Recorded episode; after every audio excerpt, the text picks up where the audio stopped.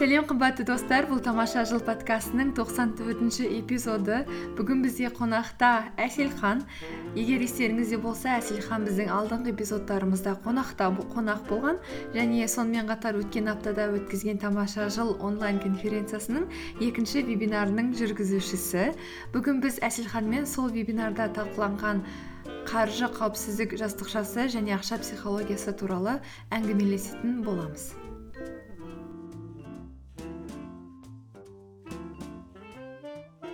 Баршаңызға сәлем. Талшын шақырғанына рахмет. Ә, керемет эпизод болады деген ойдамын. Ал бастаймыз ба онда?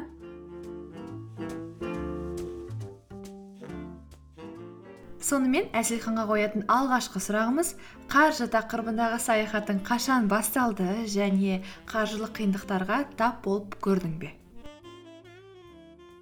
Қызығы менде жалпы өмір бойы ешқашан ә, қаржы жағынан ешқандай проблема болмады. Бірақ осыдан ә, екі жыл бұрын ә, кәдімгідей бір ә, кризисті өз басымнан өткердім. Ә, біз ә, үлкен қарыздар үлкен қарыздарымыз болды. Ә, осы аз уақыттың аралығында бір қызық кризиске тап болдық. Бір мүмкін екі үш айдың ішінде шығар. Сол кезде біздің ойлана бастағанымыз ә, қаржы мәселесі ол тек қана қаражатқа байланысты емес ол көп жағдайда біздің ойлау тәсіліміз. Неге біз мысалы өмір бойы мысалы өмір бойы менде болсын жолдасымда болсын бізде қаржылық жастықша болатын. Бірақ бір мезетте бәрі жоқ болып кетіп керісінше минусқа кіріп кеттік. Сонда ол қалай деген сұраққа жауап іздей бастадық. Оның басты себебі біздің миымызда екен. Ыыы ақшаға біздің қарым қатынасымызда ыыы сондықтан ыыы сол, сол бір сәтте бізде ыыы енді басты себептердің бірі біз қазір анализ жасап ол мынандай болды. Ыыы менің жолдасымдағы ең басты ыыы қорқыныш ол ақшасыз қалу болатын сондықтан әрдайым оның қаржы жастықшасы болатын. Ал менің ең басты қорқынышым ол отбасымда жалпы шын мәнінде қаржы болмайды деген қорқыныш болатын. Бірақ адам қалай жұмыс істейді екен? А, біз әрдайым неден қорқамыз? Соған бейсаналы түрде барады екенбіз. Сөйтіп біз сол қорқыныштан өту үшін осындай жағдай жасадық өзімізге. Осы ақша мүлдем жоқ кезде біз өзімізді қалай сезінеді екенбіз. Негізі қорқынышты ешнәрсе жоқ екен. Егер білімің болса егер жаңағы ә, қаржыны қолдану қабілетің болса психологиялық жағынан білімің болса кез келген ситуациядан ә, тез шығуға болады. Бізді не басты істегеніміз ол біз ә, психологиялық жағынан ә, қаржы мәселесін зерттей бастадық. Қандай факторлар не әсер етеді екен? Қарызға кіруге ақшаның болмауына немесе ақшаны толықтай ә, жұмсап ә, оны жинамауына. Сөйтіп әселхан мен оның жолдасы өздерінің зерттеу барысында бірқатар байлықтың және кедейліктің формулаларымен кездеседі. Ең алғашқысы банкрот болудың формуласы. Ә, сенің табысың сенің ақша ә, сенің ә, шығысыңнан аз. Яғни сен ә, тапқан ақшаңнан қарағанда көбірек жұмсайсың. Оның мысалдары мысалы жалақы түспестен бұрын адамдар несие алып жатады немесе қарыз алып жатады. Келесі жалақы түскенде қайтарып береді. Яғни олардың әрдайым ә, тұтынуы ақшаны тұтынуы олардың тапқан ақшасынан көп. Ерте ме кеш бұндай сценариймен өмір сүріп келе жатқан адамдар банкротқа ұшырайды. Ол заңдылық. Келесі формула ол формула бізді одан да бетер таңқалдырды ол кедейліктің формуласы. Бұл формула бойынша біздің тапқан табысымыз бен шығындарымыздың айырмасы нөлге тең. Яғни біз қанша ақша тапсақ сонша ақша жұмсаймыз. Біз бір кезде мынандай жағдайға ұшырадық. Яғни біз кризистен шықтық бүкіл қарыздарымызды қайтардық біздің табысымыз әлдеқайда өсті бірақ ақша жиналмады. Сонда біз осы формуланы көрдік. Яғни біз бәрібір кедейліктің формуласында өмір сүріп жатырмыз қанша ақша тапқанымен а шын мәнінде біздің табысымыз еселеп артты. Бірақ ақша жиналмады. Сол кезде біз түсіндік. Яғни біздің ойлау тәсіліміз әлі де кедей адамның ойлау тәсілі. Одан кейін келесі формула осы формуламен шынымды айтсам мен өмір бойы өмір сүріп келдім. Бұл жерде әселхан өзі тапқан кедейліктің екінші формуласы туралы айтып жатыр.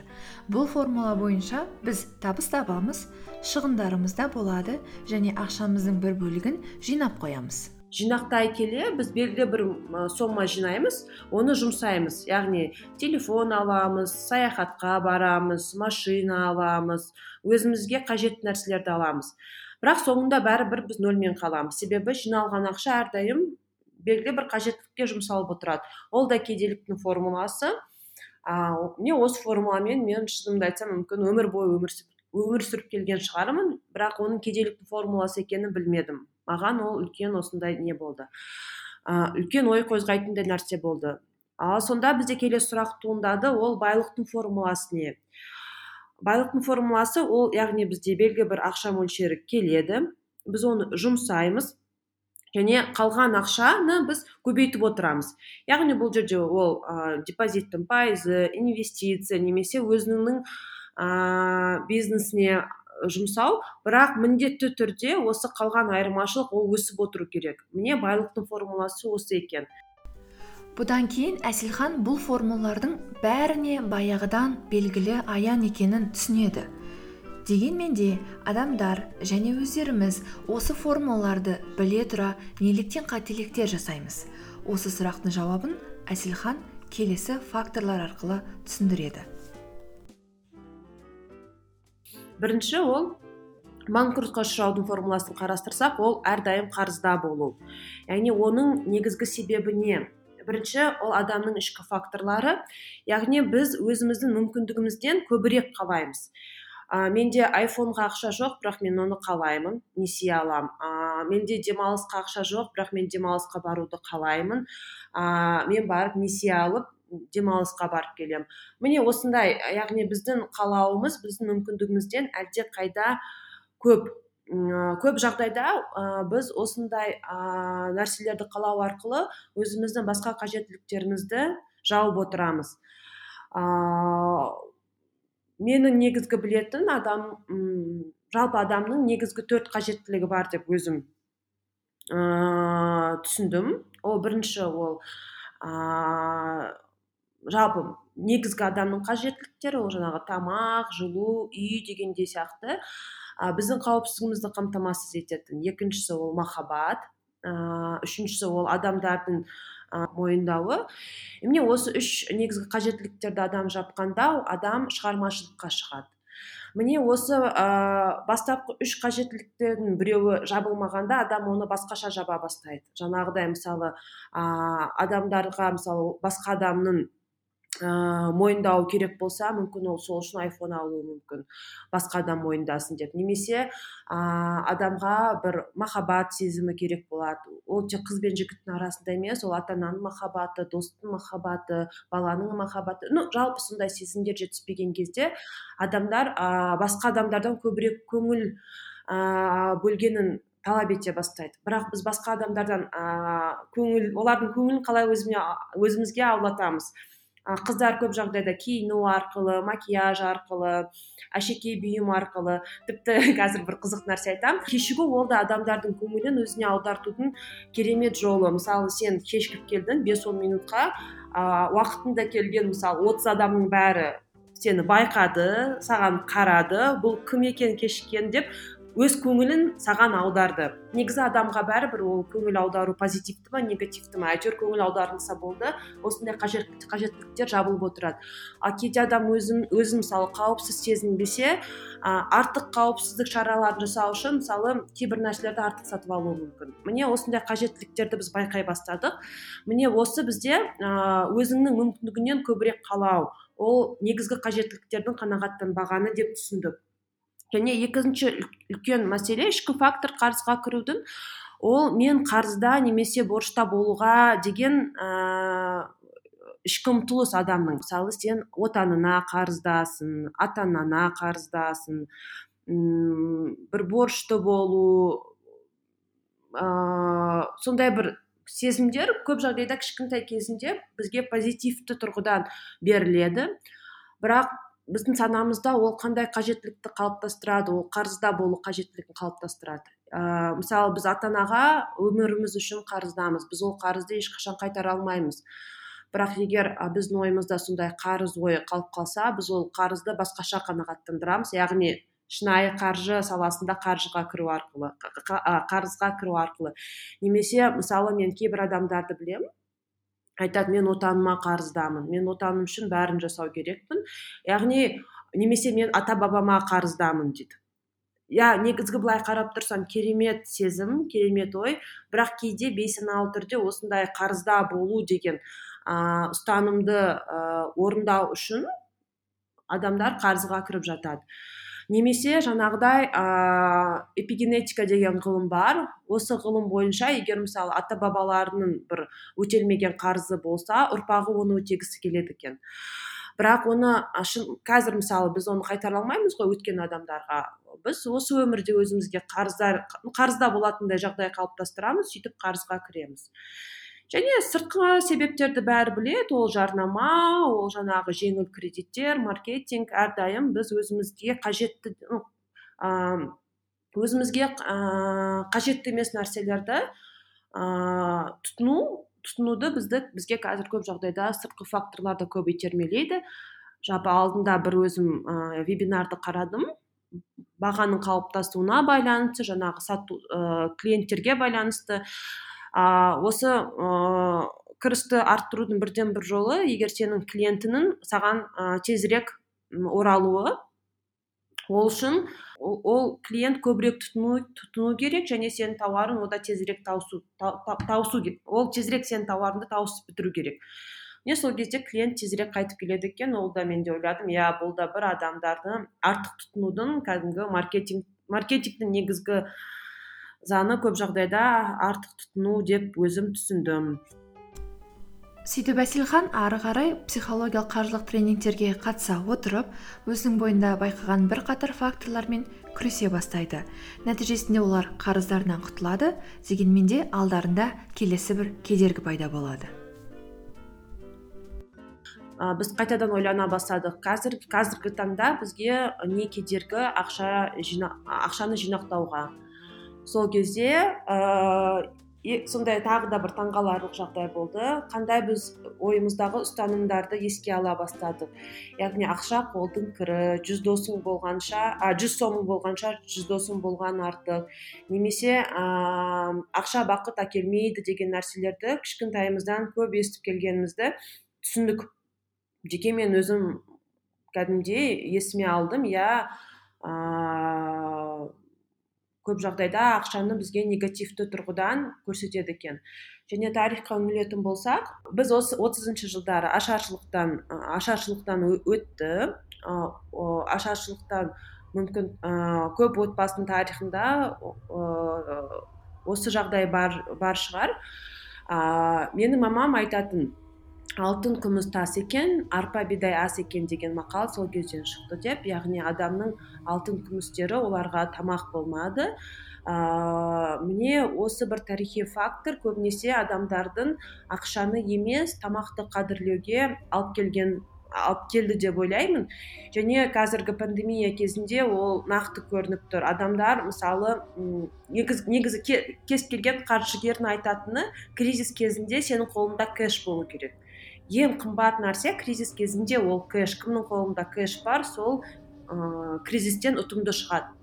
Бірақ адамдар неге кэш емес неге ақша емес? Ә, тамақ жинауға ұмтылады. Міне ә, осының бірден бір себебі осы жағдай деп білемін. Себебі ә, біздің ә, санамызда түбінде бір осындай ой жатыр. Әйтеуір тамағым болса тірі қалам деген.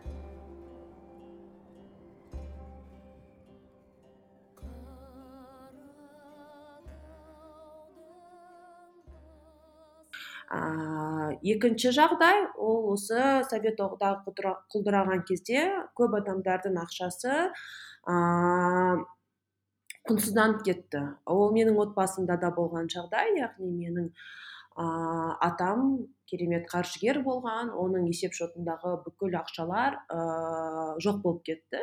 Құнсызданып кетті. Сонда оның артынан қалған жалғыз мұралар ол оның алған үйлері болды. Мүмкін сондай бір ақшаға байланбаған ә, материалдық құндылықтары болды.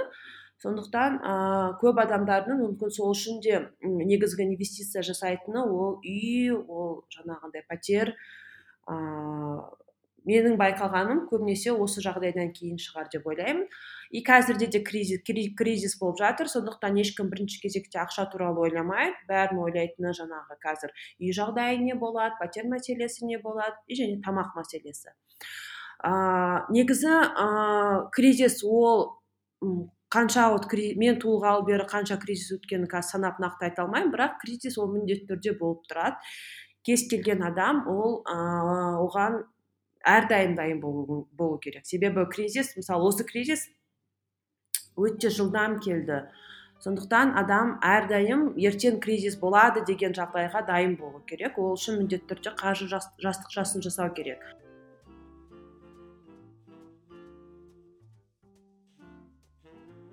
Біз енді жалақыға жұмыс істемейміз. Бізге ақша жоба бойынша келіп отырады гонорар ретінде келіп отырады. Бірақ кез келген ә, кірістің он пайызын біз қаржы жастықшасына жинап отырдық. Ә, ақша келді ма? Бірден ойланбастан он пайызы қаржы, қаржы жастықшасына кетіп отырды. Ә, мен тіпті айтатыным алдында сұрақтар болды. Мысалы ә, адам аз ақша тапса он пайыз ол аз емес па ол кездегі мен айтқаным он пайыз ол ә, минимум. Кез келген ақшадан жиналатын минимум. Ә, бірінші он пайыздан бастап көрейік. ең бастысы ол әдетті қалыптастыру. Мысалы бес мың теңге ретінде гонорар келді ма ол әдетте мысалы сағат бойынша жұмыс адамдарға қатысты 500 теңгесін бірден қаржы жастықшасына салып қоясыз. он мың теңге келді ма мың теңгесін бірден қаржы жастықшасына салып қоясыз.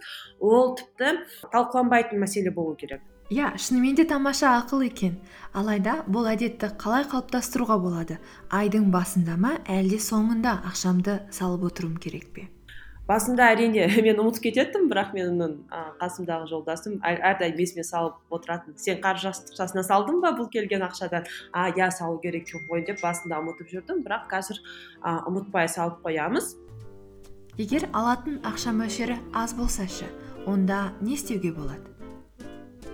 Қазіргі таңда студенттердің шәкіртақысы жиырма бес мың теңге.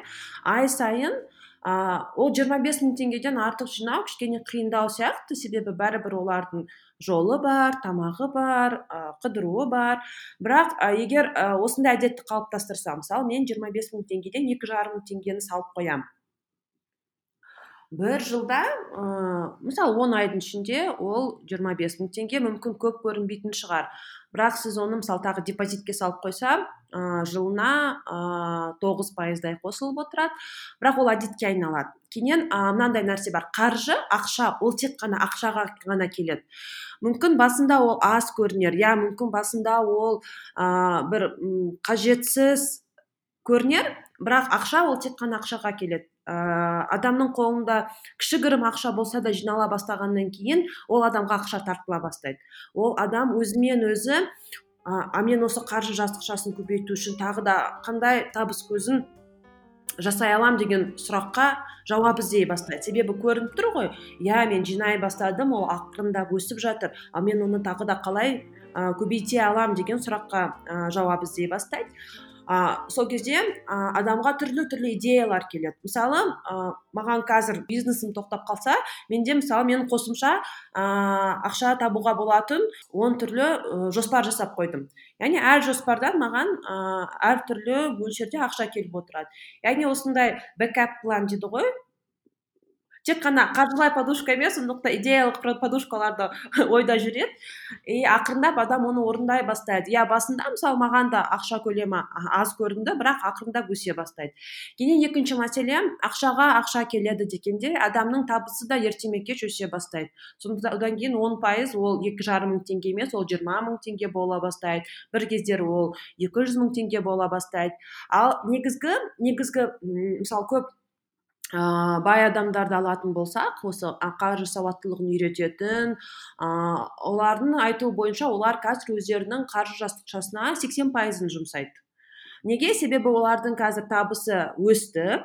Олардың жеке қажеттілігін қанағаттандыруға олардың табысының жиырма пайызы жеткілікті. Негізгі мысалы идеалды мәселе осы. Он пайыздан кейін мысалы сіздің табысыңыз артты ғой. Он бір пайыз жинай бастаңыз он екі пайыз жинай бастаңыз бірақ мысалы жиырма бес мың стипендиямен он бір пайыз он екі пайыз жинау қиындау. Себебі басқа да қажеттілік бар. Ал мен осы бір екі пайызды қосу үшін тағы да қалай ақша табуым керек деген сұрақтар көп адамдарда туындайды негізі. Осы осы қаржы жастықшасын жинай бастағаннан кейін. Міне сол үшін бастау керек. Тіпті тіпті бес мың теңге болсын он мың теңге болсын одан 500 мың теңге ыыы қаржы салып отыру ол мүмкін қаржылық жағдайды арттырмаса да сіздің ә, психологиялық жағдайыңызды өзгертеді. Сіз мүлдем басқаша қарай бастайсыз ақшаға. Міне осы кезде де ақша көбейе бастайды. Он түрлі бэк ап бизнес идея туралы ақпаратың маған қатты ұнады. Қазіргі дағдарыс кезеңінде қандай бизнес түрлері табысты болуы мүмкін? Және сен сияқты он түрлі идеяға қалай брейнсторминг жасауға болады. Көп жағдайда осындай кезде адамға бір нақтылық сезімін беретін немесе ыыы осындай бір өзін қауіпсіз сезінетіндей нақты ақпарат алатындай түрлі инфобизнес жақсы жұмыс істейді. Мен негізі өзім а, бұрын ә, онлайн білім беру саласында жұмыс істедім. Қазір көп студенттер тыңдап жатса сіздер онлайн онлайн репетитор бола аласыз. Мысалы менің алғашқы табыстарым ол репетиторліктен болатын. Мен мектеп кезінен математикадан қосымша сабақ беретінмін. Кезде бастап ақшаны жинайтынмын бірақ ол кезде мен байлықтың формуласын білмедім. Ақшаны жинап жинап жұмсайтынмын. Қазіргі мен бәріне айтатыным осылай онлайн сабақ беруді ыыы үйрену әсіресе жаңағындай репетиторствомен айналысатын студенттердің қазір керемет мүмкіндігі ыыы оқушылардың бәрі үйде ата аналардың уақыты жоқ ата ана жұмыс істеу керек па немесе баланың сабағын оқыту керек па. Мен мысалы өзім ата ана болсам ыыы әр маман әр саланың ыыы жақсы маманына ақша төлеп баламды оқытқанда артық көрер едім. Кез келген бизнесті бастау үшін қаражат керек жоқ. Ең бастысы адам сатып білу керек. Мысалы кез келген өндірушіге барып барып мен сенің тауарыңды сатып беремін сен маған белгілі бір пайызын бер десең кез келген адам келіседі. Ол тек қана тауар емес ол мысалы жаңағыдай онлайн кеңістігінде кез келген нәрсе кез келген адаммен келісуге болады. Және ә, клиентке барып оны өткізе білсең ол да керемет мүмкіндік.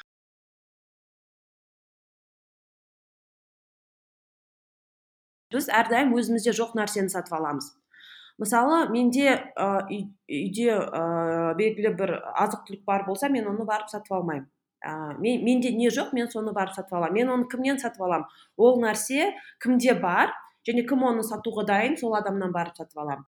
Адами тұрғыдан келетін болсақ қабілеттердің арасында маған ә, өзіме қандай қабілет жетіспейді мен барамда сол қабілеті бар адамды іздеймін. Мен ол қабілеті бар адамға ақша төлеймін ол маған сол қабілетін сатады. Ә, қосымша табыс табу кезінде көптеген шаблондар жеке өзіме жұмыс істемейді. Өзіңе жұмыс істейтін шаблонды табу үшін онда не істеу керек? Өзіңде осындай қандай артықшылығың бар? Мысалы сенің қандай қабілетіңді адамдар сатып алуға дайын және сенің қандай қабілетің сұранысқа ие. Осындай сұраққа жауап берген ә, дұрысырақ сияқты. Себебі біз өзіміздің он жаңағы әртүрлі бизнес жоспарымыз жасағанда мысалы қосымша қалай табыс таба аламыз біз осыған негізделдік. Яғни менікі сендерге жұмыс істемеуі мүмкін. Себебі сендерге тек сендердікі ғана жұмыс істейді. Ол үшін осылай отырып менің қандай артықшылығым бар? Яғни адамдарға мен не ұсына аламын? Оны білу үшін ыыы мынандай тест жасап көріңіз. Сізге ұнайтын сізді ыыы сізге осындай бір керемет сезім береді немесе мен осындай адам сияқты болғым келеді деген бес адамды жазыңыз. Және осы бес адамның қандай қасиеті сіздерге ұнайды? Міне осындай тізім жасап болғаннан кейін қандай ой толғау жасау керек? Біріншіден осы жазған бес адам және оның қабілеттері сіздерде бар дегенді мойындау керек. Себебі көп жағдайда адамдар өздерінің ә, жаман қасиеттерімен қатар жақсы қасиеттерін де мойындамай жатады. Әселханның айтып отырған тестін дұрыс түсінсем онда бізге ұнайтын адамдар және олардың қасиеттері әдетте біздің бойымызда бар.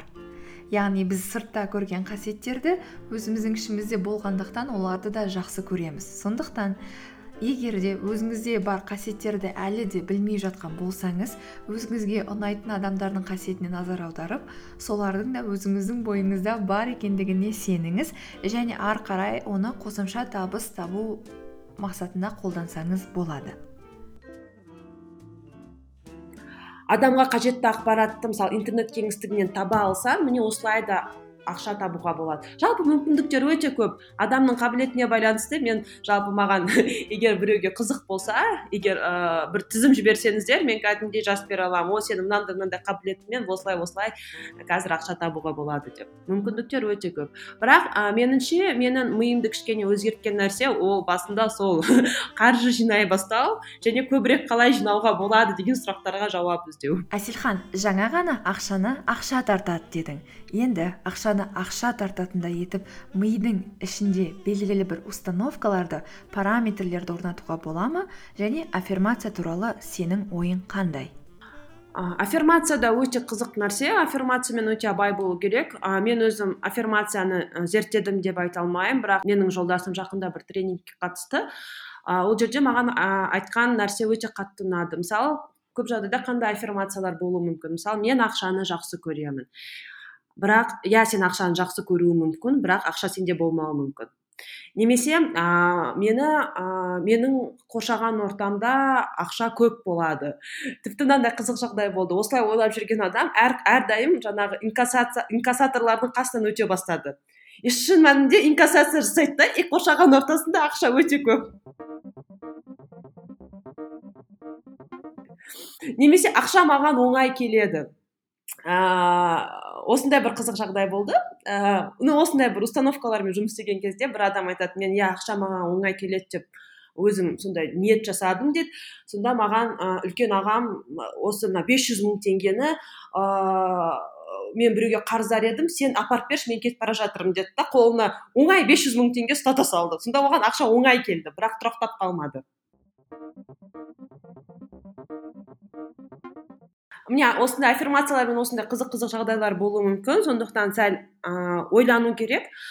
Ә, біз үшін әрдайым жұмыс істейтін аффирмация мен үшін ә, менің жолдасым үшін менде әрдайым ақша бар деген. Ә, неге бұл аффирмация жұмыс істейді? Біріншіден аффирмацияны жаңағы немесе кез келген осындай ұстанымды ми шындыққа тексереді. Мысалы менің миллион теңгем миллион ыыы теңгем делік мен мысалы жалақым бар немесе менің миллион долларым бар десек ал ол шындыққа жанаспаса ми тексереді ол қазір шындыққа келеді ма жоқ па а, келмейді жұмыс істемейді. Ал менде әрдайым ақша бар. Бізде бәрібір әрдайым кез келген соммада болсын ақша бар. И ми тексереді а иә ақша бар ақша бар ақша бар. Мысалы менде қазір ақша жоқ деген ой ешқашан келмейді ойыма. Кейде мысалы бір бір сатып алатын бір мүмкін бір тауарлар болса ыыы бір автокөлік мысалы алғым келеді. Бірақ қазір мүмкіндік жоқ. Ол кезде айтатын нәрсе ақша жоқ емес. Мысалы біз осындай жағдайда менде ақша жоқ десек ыыы ми қалай ойлайды? Тексереді. Сенде мысалы екі мың теңге болсын жиырма мың теңге болсын бес мың теңге болсын ақша бар.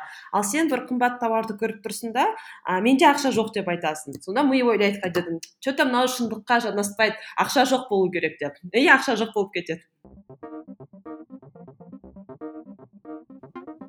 осындай кезде айтатын нәрсеміз ә, мен дәл қазір осындай соммаға автокөлік ала алмаймын дәл қазір. Бірақ осынша уақыттан кейін мен бұл автокөлікті міндетті түрде аламын деп қана тоқтай саламыз болды. Ақша жоқ деп айтпаймыз. Мен күнделікті жасайтын практикаларым ол жан жақтағы осылай мүмкіндіктерді байқап жүру ол жаңағы ақшаның символы дейді о мен мысалы бүгін жаңағы бентли көрдім ол маған ә, жақсы символ. Мен бүгін мысалы тесла model иксті көрдім. Ақ ол менің жеке өзім қалайтын автокөлігім. Иә ол осындай символдарды байқау. Және ә, медитация эмоциялармен жұмыс істеу. Мысалы егер саған бір ақшаға қатысты қорқыныш сезімі пайда болса немесе сен бір қымбат нәрсені көріп жоқ мен бұны өзіме ә, ала алмаймын деген бір ойлар келсе міндетті түрде дәл сол сәтте сол эмоциямен сол оймен жұмыс істеу менің негізгі жасайтыным осы ғана. Және ә, адам түсіну керек қой. Мысалы ақша оған не үшін керек? Ә, молшылық не үшін керек? Осы жайлы көбінесе ойлануға тырысамын. Ә, жаңағы біз карта желанияны да өзімізше жасаймыз мысалы бәрі үйрететіндей емес біз кәдімгідей өзіміз сатып алғымыз келетін немесе қалайтын нәрсенің суретін табамыз нақты. Қандай параметрмен егер ол ә, саяхат болса қай жері және біз отырып есептейміз. Мысалы осыны бізге алу үшін қанша қаражат керек? Біз карта желанияға солай жабыстырамыз. Мен мысалы осыны сатып алғым келеді немесе осы жерге барғым келеді. Оған маған ол үшін маған дәл осындай сомма керек деп біз өйстіп жабыстырамыз. Және өзімізге ә, кішкене ә, таймлайн қоямыз. Мысалы мынау жарты жылға біздің карта желаниямыз мынау бір жылға мынау мысалы он жылға мынау жиырма жылға дегендей сияқты. Алдыңғы сөздеріңнің бірінде асыра тұтыну туралы айттың. Асыра тұтыну деген не оны қалай анықтайсыңдар және шығынды қалай төмендетуге болады? Біз шығынды ешқашан нөлге дейін жеткізе алмаймыз. Шығынды біз тек белгілі межеге ғана межеге дейін ғана азайта аламыз. Біздің негізгі фокусымыз ол табысты көбейтуге болды. Себебі табысты біз ә, шексіз түрде көбейте аламыз. Бірақ ә, бірақ біз ә, нені түсіндік? Жаңағы артық тұтыну дегенді. Негізі ыыы бұрын былай болатын мысалы бір керемет көйлек ұнайды ол мысалы қанша қазір ол кездегі мен алатын көйлектерім елу алпыс мың теңге дизайнерлік көйлектерді барып аласың ең арзаны қырық бес мың теңге оны бір екі рет киесің болды ол сол күймен қалды. Міне мүмкін мен осындай шығындардан бас тарттым. Себебі ә, мен кез келген нәрсе сатып алмастан бұрын өзіме мынандай сұрақ қоямын бұл маған шын мәнінде қажет пе? Қажет болса не үшін қажет? Және осыны сатып алу арқылы мен өзімнің қандай қажеттіліктерімді қазір жауып жатырмын. Егер осы үш сұраққа ә, мен ә, дұрыс жауап ала алсам мен осы нәрсені сатып аламын егер осы сұрақтардың біреуіне мен дұрыс жауап алмасам мен ол нәрсені сатып алмаймын. Ең бастысы мен өзіме сұрайтын нәрсе қаншалықты бұл нәрсе маған қажет?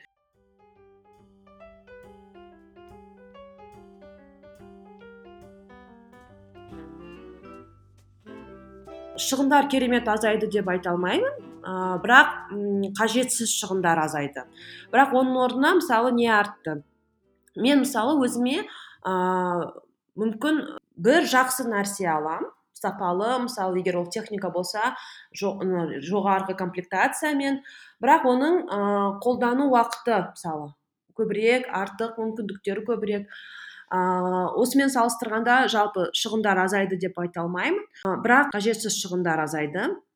Категория бойынша ә, мен қазір мысалы не сатып алмаймын? Мен өзіме артық киім сатып алмаймын. Егер ол маған шын мәнінде қажет болмаса. Ә, егер сатып алсам да мен нақты білем иә маған бұл қазір осындай кездесуге керек мынау осындай ә, іс шараға керек немесе осы нәрсені мен ұзақ уақыт киемін немесе осы менің көңіл күйімді шын мәнінде көтереді мен бұны ұзақ киемін мен күнде өзімді жақсы сезінемін деген сияқты сұрақтарға жауап беру арқылы тұтыну тауарларын таңдауға болады. Енді менің әселханға келесі бір сұрағым бар. Мен оны соңғы біраз жылдар бойы білемін. Әсіресе соңғы жылдары олардың отбасының тренингтарға түрлі білім орындарына немесе білім алуларына инвестиция құйып жүргенін көріп жүрмін. Қаншалықты өздерінің білімдеріне салған деген ақшасы ақталып жатыр. Ә, негізгі иә біз егер шығындарымызды қарайтын болсақ ол білім алу тренингтерге қатысу ә, негізгі категориялардың бірі болуы да мүмкін. Бірақ ә, біз үшін ол инвестиция. Өмірімізді қалай өзгертті? Біріншіден ә, мысалы маған болсын менің жолдасыма болсын біздің басты құндылығымыз ол отбасы болды. Мен қазір ә, шын мәнінде ә, қуана айта алатын біздің қарым қатынастарымыз қазір керемет. Ә, бір бірімізді қолдауымыз бір бірімізге деген ә, сондай бір үлкен ә, дұрыс ниетіміз ол басқаша деңгейде кейде жолдасым қалжыңдап айтады негізі біздің қарым қатынасымыз әрдайым жақсы болды біз тек қана оған кедергі нәрселерді алып тастадық. Одан кейін ә, ойлау ә, масштабымыз өзгерді. Мысалы бұрын ә, мен ә, асып кетсе өзімнің бір ә, мүмкін кішігірім компаниям болатын шығар деп ойлайтынмын. Ал қазір мен шын мәнінде бүкіл әлемге әлемдік деңгейде не жасай алатынымды түсіне аламын. Ә, екінші мәселе ол, тағы да бір үшінші мәселе бұл. Жаңағы жеке қарым қатынас ә, бірінші екіншісі жаңағы ойлау масштабымыз өзгерді. Мысалы біз ұзақ уақыт ә, миллионер болған адамдардан тренинг алсақ қазір миллиардерлерге көштік. Ә, себебі әр деңгейдегі адамның беру білім беру масштабы әртүрлі екен. Ә, үшінші ол аса көңіл бөліп айтатын нәрсем ол денсаулығымыз жақсарды. Себебі шын мәнінде ә, біз тренингтерді бастағандағы басты себептердің бірі ол денсаулық болды менің ұлымның денсаулығы өзімнің денсаулығым. Ә, осылармен жұмыс істеу арқылы денсаулығым артты. Және ә, менің балам негізі монтессори методикасы бойынша білім алуда. Маған сол кездегі ұстаздар керемет нәрсені айтты. Сен балаға ә, өрмелеуге ә, түрлі нәрсе түрлі ұм, жаңағы активити дейді ғой бәрін жасауға мүмкіндік бер. Ә, ол шыққысы келеді ма? Ағашқа шықсын. Жаңағы түрлі турниктерде өрмелегісі келеді ма? Өрмелесін. Ә, басты себебі не? Бала өзінің денесіне сенімді бола бастайды. Ә, яғни ол қорықпайды. Ертең ол мысалы балалармен жүгіріп жатқанда ода мені біреу итеріп мен құлап кетемін құлап кетемін деген қорқыныш ешқашан болмайды дейді. Ол еркін коммуникацияға түседі. Ол өзіне сенімді болады себебі ол нақты түсінеді кеш келген жағдайда оның денесі денсаулығы сыр бермейтініне. Менің түсінгенім біздің қаншалықты деніміз сау болса қаншалықты біздің мысалы бұлшық еттеріміз дамыған болса біз соншалықты өзіміз де дами түсеміз.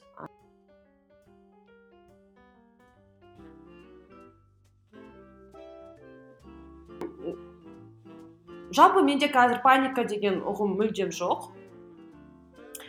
Ыыы керісінше мен мысалы бір адам белгілі бір адамдардың бір жағымсыз қасиеттерін көрсем менде бірден келетін ой яғни мен бұны көріп тұрсам менде де ол бар ғой деп.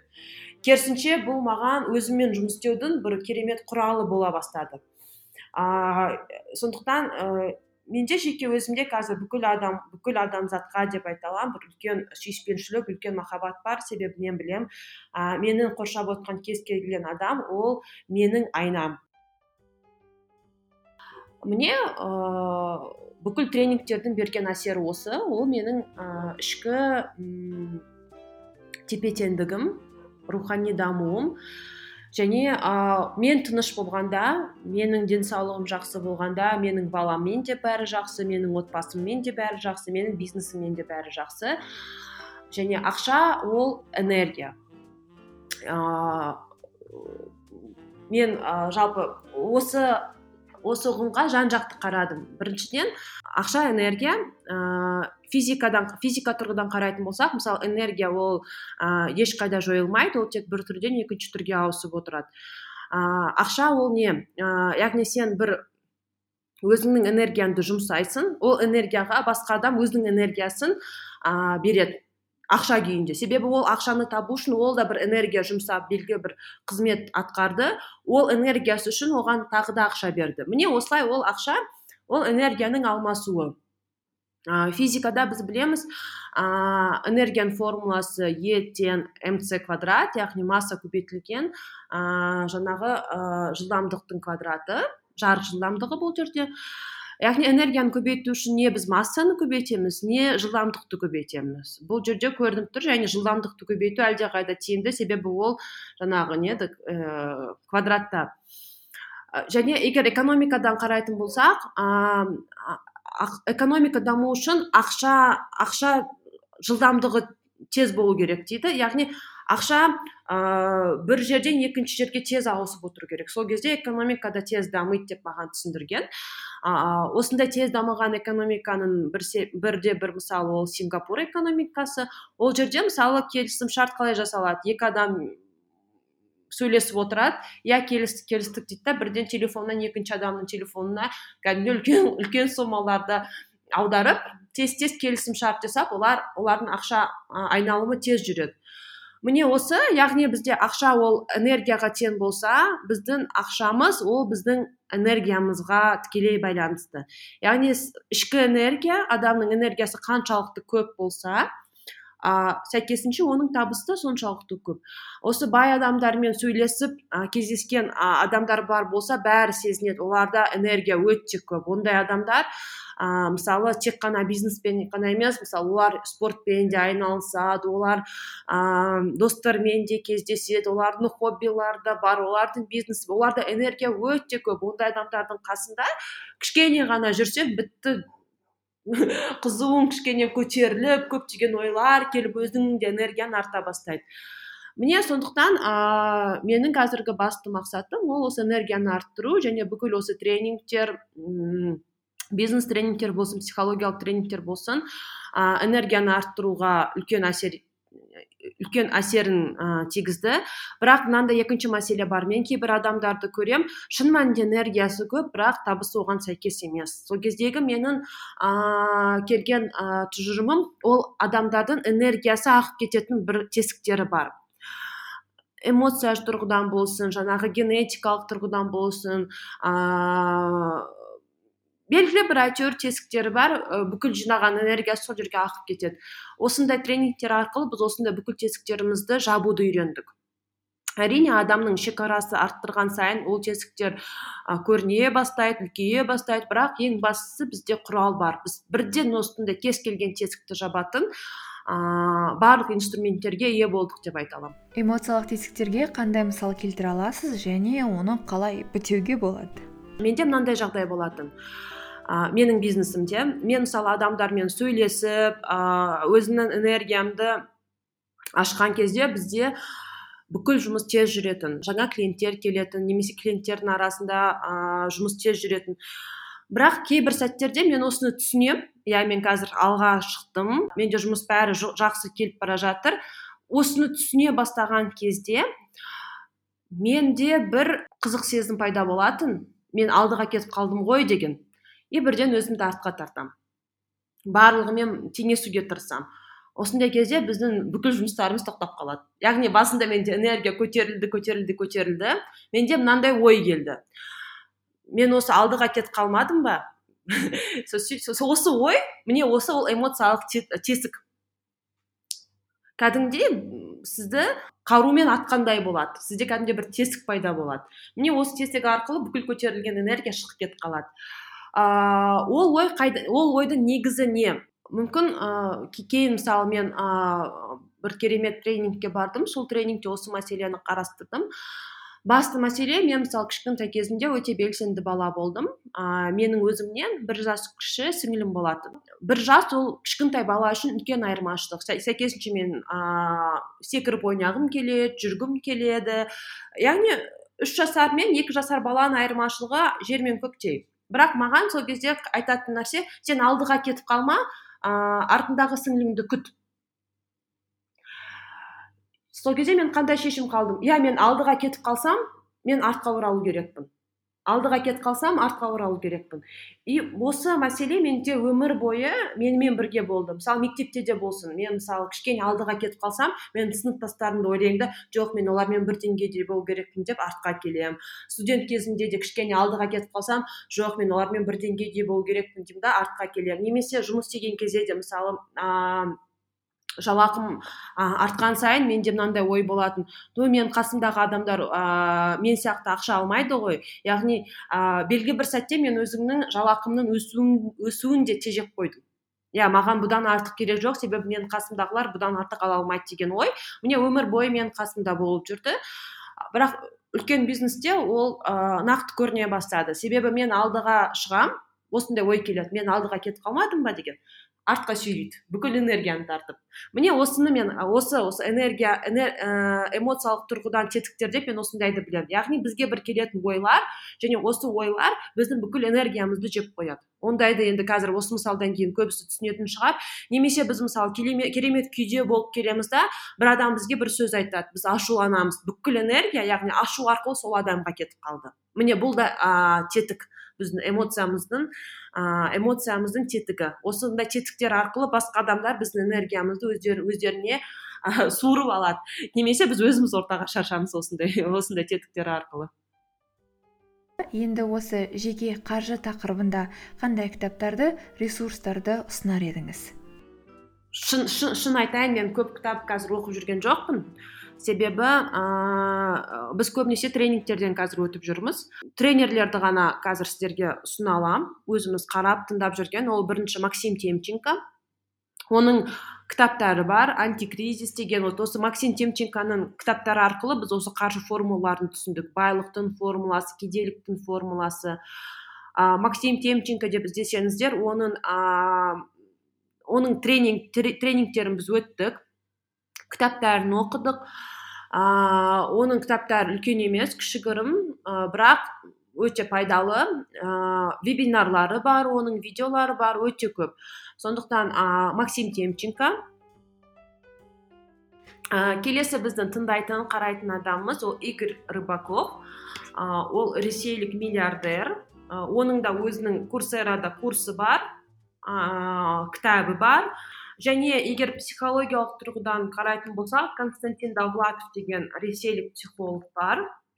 Ыыы константин довлатовтың ютубта қаржыға қатысты ә, жаттығулары да бар ә, көп көп айтады ол осы психология мен қаржы туралы ә, константин довлатов.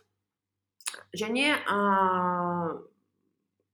менің қазіргі оқып өзімді кәдімгідей таңғалдырған таңғалдырды деп айта алмаймын. Бірақ өткен көптеген тренингтер мен алған білімдерінің түсіндірмесі ретінде сила подсознания деген кітапты ұсына аламын.